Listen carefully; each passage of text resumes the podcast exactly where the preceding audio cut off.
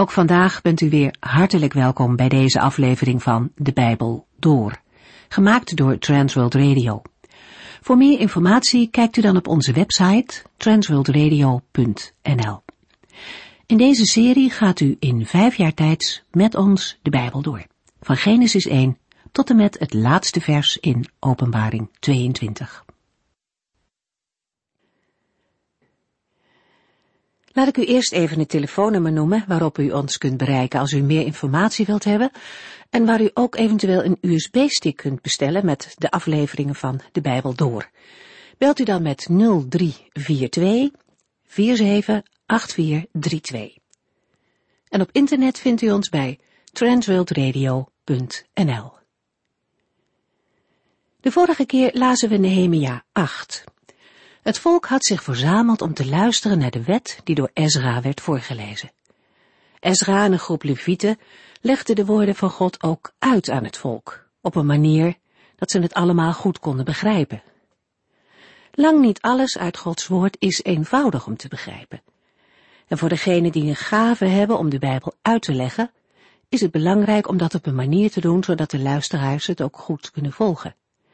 En hier geeft Ezra dat voorbeeld. Hij weet Gods woorden zo uit te leggen dat de mensen er ook intens door worden geraakt.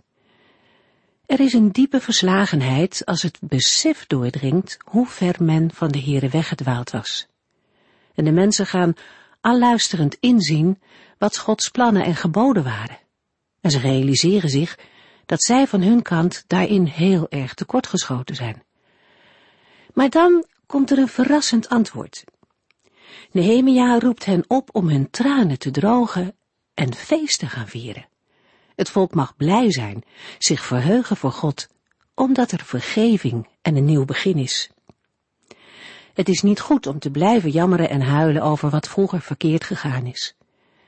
Besef van zonde en berouw is nodig, maar dan is er ook vergeving bij de Heere.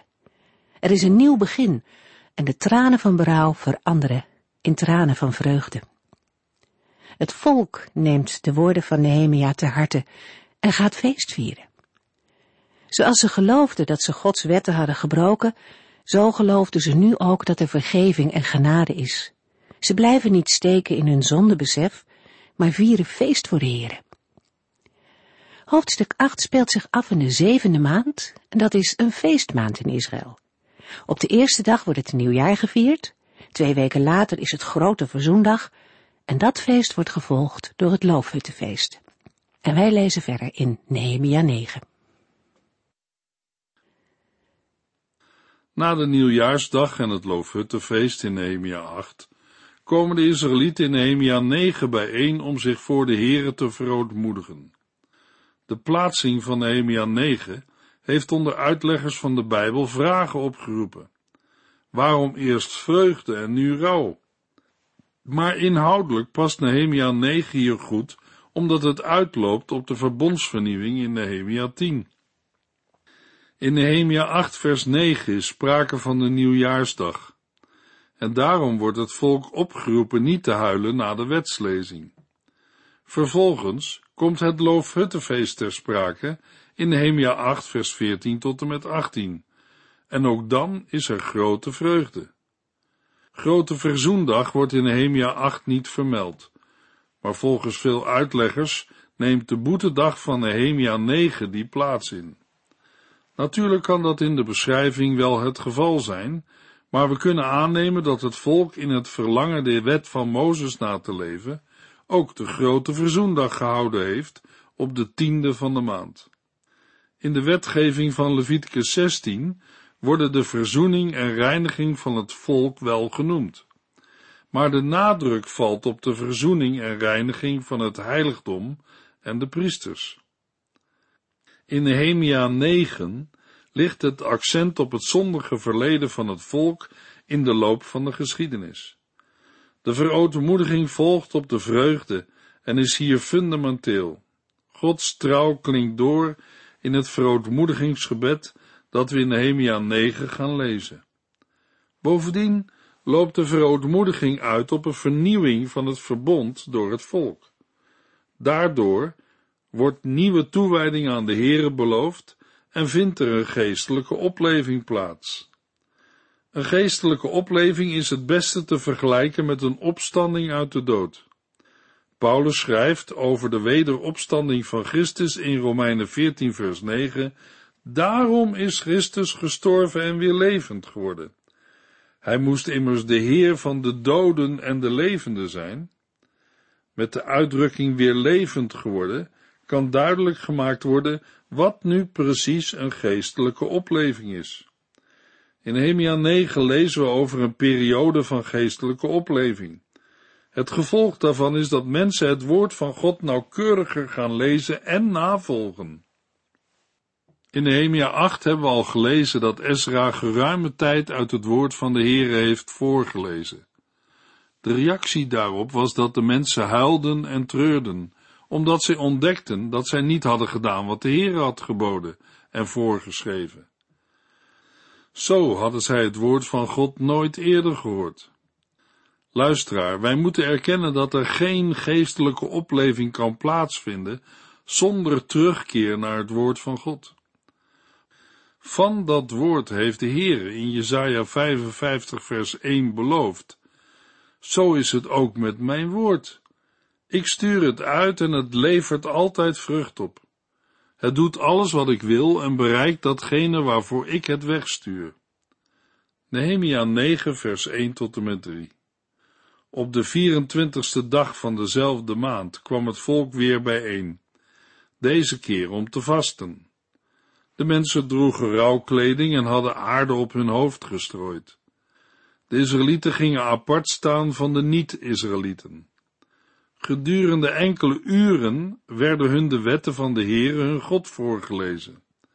En in de drie daaropvolgende uren beleden zij hun zonden en die van hun voorouders. Zij bogen zich neer en aanbaden de Heere. Het loofhuttenfeest is op de 22e Tisri beëindigd.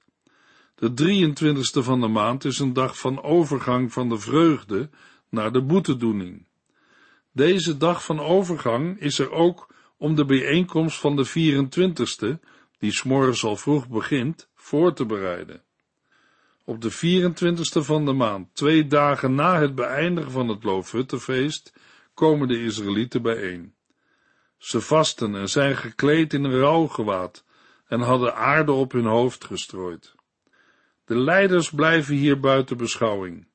De nadruk komt steeds meer te liggen op het handelen van het volk.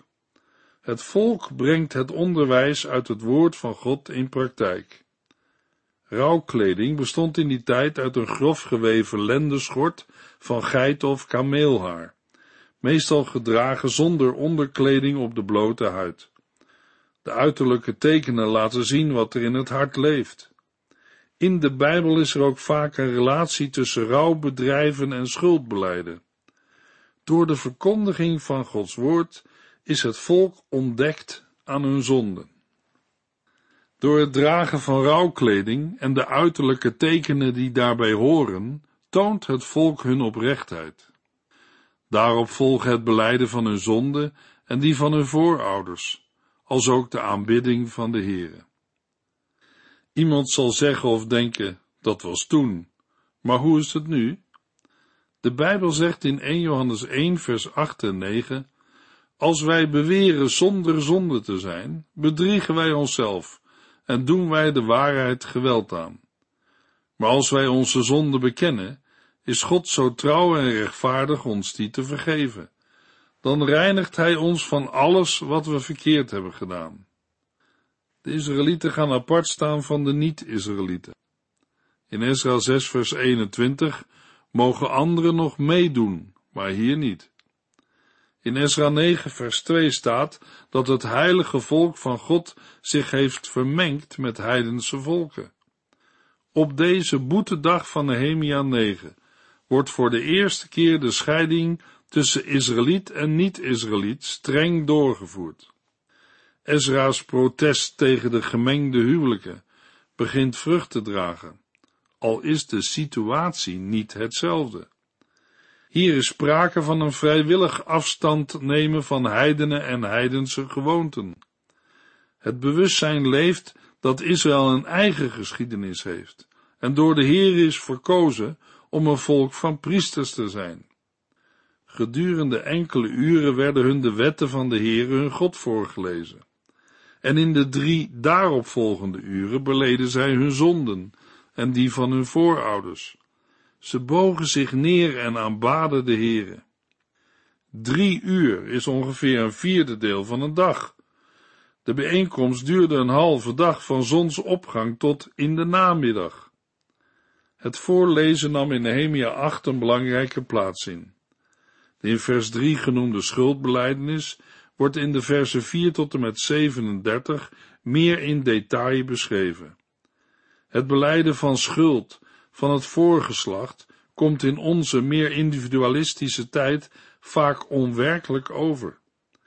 Maar in Israël leefde sterk de overtuiging dat de geslachten met elkaar verbonden zijn en dat zonde en de gevolgen daarvan doorwerken in volgende generaties.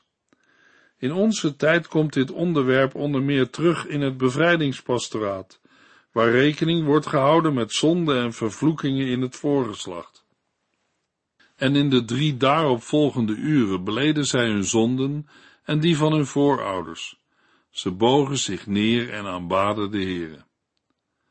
Beleiden van zonden betekent dat de mens het eens is met de Heere. Dan heeft zijn woord en geest overtuigd van zonde, gerechtigheid en oordeel. In verootmoediging zal een mens dan toegeven, ik heb gezondigd tegen de Heere. Dan is er geen ruimte meer om de zaken anders voor te stellen of beter voor te doen. Maar als wij onze zonde hebben beleden, is de Heere zo genadig en rechtvaardig onze zonde te vergeven, om Christus wil. Maar valt het in onze tijd en beschaving niet een beetje mee met de verontreiniging door de zonde? Het antwoord kan kort en duidelijk zijn. Nee, het is vandaag wel anders dan in de tijd van Ezra en Nehemia, maar het valt vandaag beslist niet mee. Een mens kan vandaag niet op straat lopen zonder gedachten, ogen en oren te verontreinigen.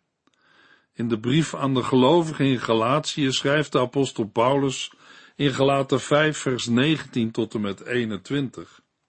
Het is duidelijk wat de zondige natuur voortbrengt.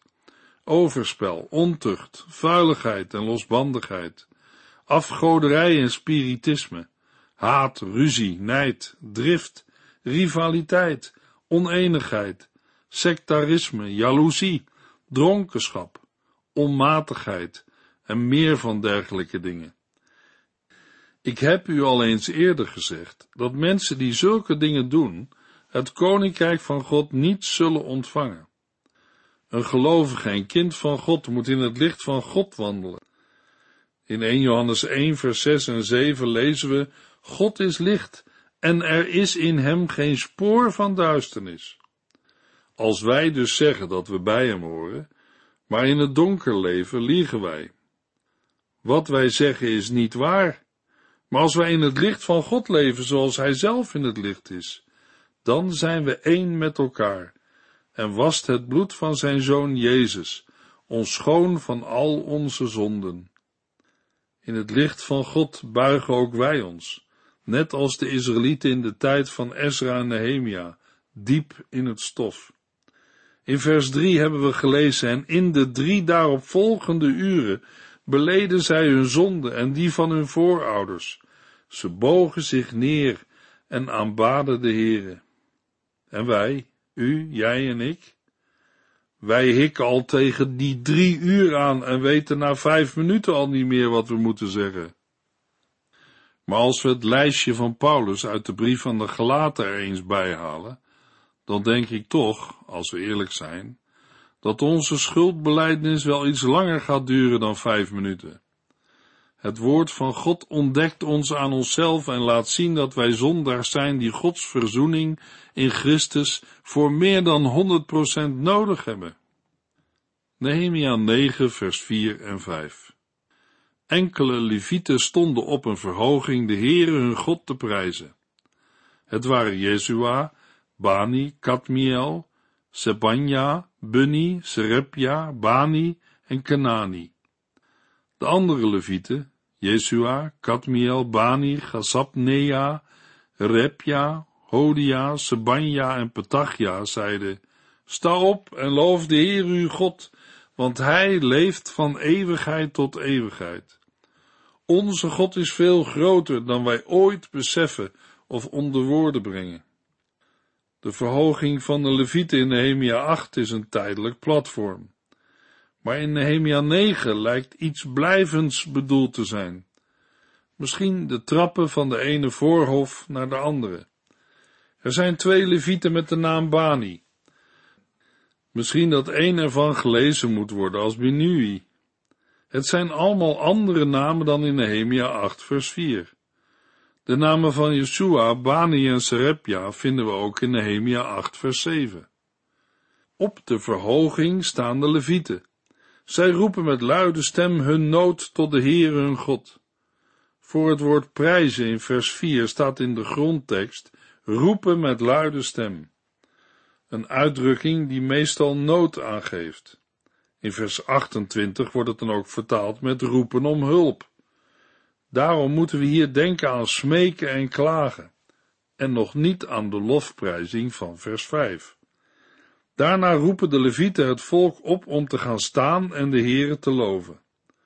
De herhaling van namen in een iets andere volgorde en met kleine verschillen geeft aan dat de uitnodiging om de Heere te loven onderscheiden moet worden van het roepen tot God in vers 4.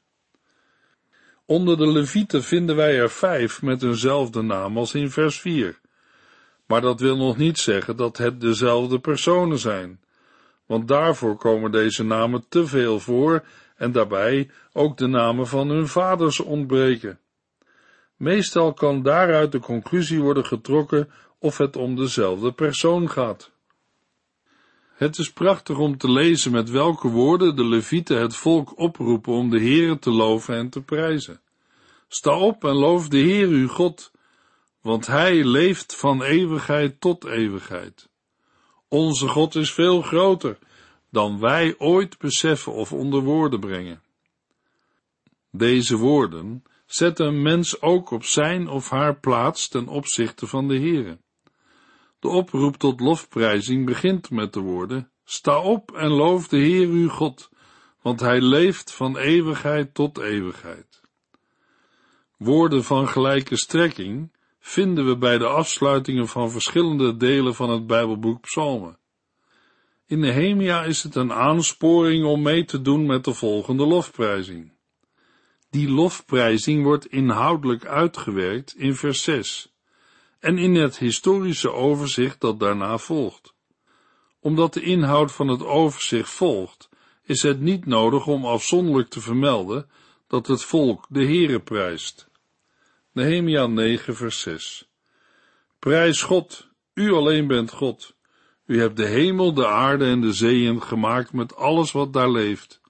U bent degene die aan alles leven schenkt, en alle engelen in de hemel aanbidden u.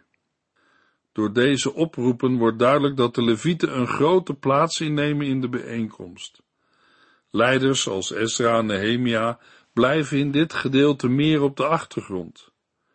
De beleidenis begint met de exclusiviteit van de God van Israël en gaat terug naar het eerste begin, de schepping. De woorden doen herinneren aan verschillende Bijbelplaatsen. De Heere geeft aan alle schepselen het leven. Hij onderhoudt hen. De machten buigen zich voor de machtige neer. In Psalm 103, vers 21 en 22 lezen we: Laten alle hemelse legers de Heere prijzen. Zij zijn de dienaren die zijn wil uitvoeren. Laat alles wat de Heer heeft gemaakt hem prijzen, overal waar hij heerst. Met hart en ziel wil ik de Heere prijzen. Soortgelijke woorden vinden we ook in Psalm 148. Nehemia 9, vers 7 tot en met 10. U bent de Heere, de God die Abraham heeft uitgekozen. U hebt hem uit Ur der Galdeeën gehaald en hem de nieuwe naam Abraham gegeven. Omdat u zag dat hij trouw was, hebt u met hem een verbond gesloten. U beloofde dat hij en zijn nakomelingen voorgoed het land zouden krijgen van de Kanaanieten, Hethieten, Amorieten, Perizieten, Jebusieten en Girgazieten. En u hebt gedaan wat u had beloofd, want u houdt u altijd aan uw woord. Ook hebt u de ellendige omstandigheden gezien waarin onze voorouders in Egypte verkeerden en hun wanhoopskreet gehoord toen zij aan de Rietzee stonden.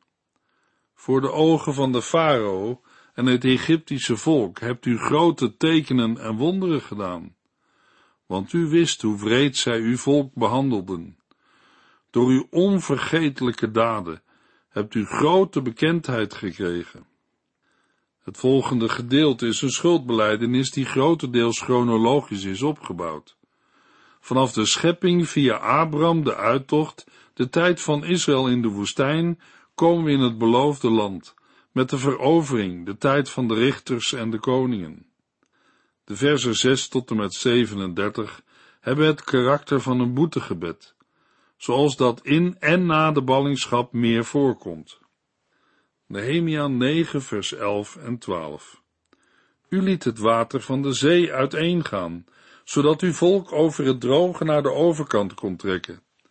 Daarna vernietigde u zijn achtervolgers in de diepe zee. Zij zonken als een steen in de golven. Overdag leidde u onze voorouders met een wolkolom en s'nachts met een vuurkolom. Zo wisten zij welke weg zij moesten nemen. Gods woorden en daden komen overeen. De vervulling van Gods woord kwam tot uiting in de bevrijding uit Egypte. Dan worden in het vervolg twee zaken gecombineerd: het verblijf in Egypte en de nood bij de Rietzee. Beide zaken komen in de latere geschiedenis steeds weer terug. De wonderen die de Heere heeft gedaan en doet, worden steeds genoemd. De kring waarin deze wonderen bekend worden gemaakt is breder dan die van de Israëlieten. Door alles heen heeft de Heere zijn volk altijd de weg gewezen. Ook vandaag wijst de Heere zijn kinderen de weg en leidt hen met zijn heilige geest. Nehemia 9 vers 13 tot en met 15 U bent op de berg Sinaï neergedaald en hebt vanuit de hemel met hen gesproken. U gaf hen deze goede en betrouwbare wetten en geboden, waaronder het gebod de heilige Sabbat te houden. En u beval hun door uw knecht Mozes, dat zij zich aan al die geboden moesten houden. U gaf hun brood uit de hemel toen ze honger hadden, en liet water uit hun rots stromen toen ze dorst kregen. Zij kregen van u de opdracht het land in bezit te nemen dat u hun onder ede had beloofd. Na deze opsomming van de zegeningen komt er een omslag. Maar onze voorouders waren trotse, koppige mensen die weigerden naar uw geboden te luisteren. In de versen 16 tot en met 21 lezen we hoe de Heere hen veertig jaar in de woestijn heeft onderhouden. Ze hebben geen gebrek gehad, hun kleding raakte niet versleten en hun voeten zwollen niet op. Nehemia 9 vers 22 Daarna hielp u hen verschillende koninkrijken en volkeren te veroveren, en liet u uw volk tot in verste uithoeken van het land wonen. De Heere gaf koninkrijken en volken aan Israël en gaf hun het beloofde land. Toch kwamen zij tegen de Heere in opstand en wierpen zijn wet achter hun rug. De profeten die hem vermaanden tot terugkeer werden gedood. Zij bedreven grote wandaden. Toen gaf de Heer hen over in de macht van hun tegenstanders. Maar toen zij in hun benauwdheid tot hem riepen, hoorde hij uit de hemel en gaf verlossers. De Heere vermaande hen om naar zijn woord terug te keren, maar zij zondigden tegen zijn wetsregels, terwijl ieder die ze nakomt, leven zal. De Heere was jaren geduldig en waarschuwde hen door zijn geest en door de profeten. Maar het volk luisterde niet. Toen heeft hij hen in de macht van hun vijanden laten vallen en kregen ze het zwaar te verduren. Maar in zijn grote barmhartigheid heeft de Heer niet met de Israëlieten afgerekend en hen niet verlaten, want hij is een genadige en liefdevolle God. Nehemia 9 vers 32 Nu dan, grote, sterke en ontzagwekkende God, u die trouw blijft aan uw belofte en aan uw goedheid en liefde voor ons. Wees dan niet onverschillig voor de ellende die wij hebben doorgemaakt. God is rechtvaardig in alles wat het volk is overkomen. Hij heeft trouw gehandeld, maar zij zondigden steeds. Nehemia 9 vers 34 tot en met 37 Onze koningen, leiders, priesters en voorouders hebben uw geboden niet gehoorzaamd en sloegen uw waarschuwingen in de wind. Ondanks het feit dat u hun dit koninkrijk en nog andere zegeningen had geschonken, hebben zij u niet gediend. U gaf hen een ruim, rijk land, maar zij weigerden zich af te keren van hun kwade praktijken. Nu wonen wij als slaven in dit land, vol overvloed, dat u onze voorouders hebt gegeven, als slaven te midden van rijkdom. De overvloedige opbrengst van het land gaat naar de koningen die u over ons laat heersen als straf voor onze zonden. Zij kunnen vrij beschikken over ons lichaam en ons vee en mogen met ons doen wat zij willen. Daarom voelen wij ons ellendig. Het gebed lijkt een open eind te hebben, zonder duidelijke vraag. Maar de bedoeling mag duidelijk zijn. Laat de Heer ook nu, net als in het verleden, uitkomst geven. Zijn trouw door de eeuwen heen geeft alle reden tot hoop. Nehemia 9 vers 38 Om al deze redenen beloven wij opnieuw God te zullen dienen. We zullen dit verbond op schrift stellen en het ondertekenen. Ook onze leiders, levieten en priesters zullen hun handtekening eronder zetten. Met deze belofte wordt afstand genomen van de zonden en afvallige houding van het voorgeslacht. In de volgende uitzending lezen we Nehemia 10 tot en met 13. U heeft geluisterd naar De Bijbel Door, in het Nederlands vertaald en bewerkt door Transworld Radio. Een programma waarin we in vijf jaar tijd de hele Bijbel doorgaan. Als u wilt reageren op deze uitzending of u heeft vragen, dan kunt u contact met ons opnemen. Tijdens kantooruren kunt u bellen op 0342 47 8432. 0342 47 8432. Ook kunt u een e-mail sturen naar de Bijbel door at en natuurlijk kunt u ook via de post ons bereiken. TWR, postbus 371, postcode 3770, AJ in Barneveld. Dit programma werd gepresenteerd door Cor Weda en Ike André. Techniek was in handen van Odin van Voerkom. En wij allemaal bedanken u voor het luisteren. Graag tot de volgende keer.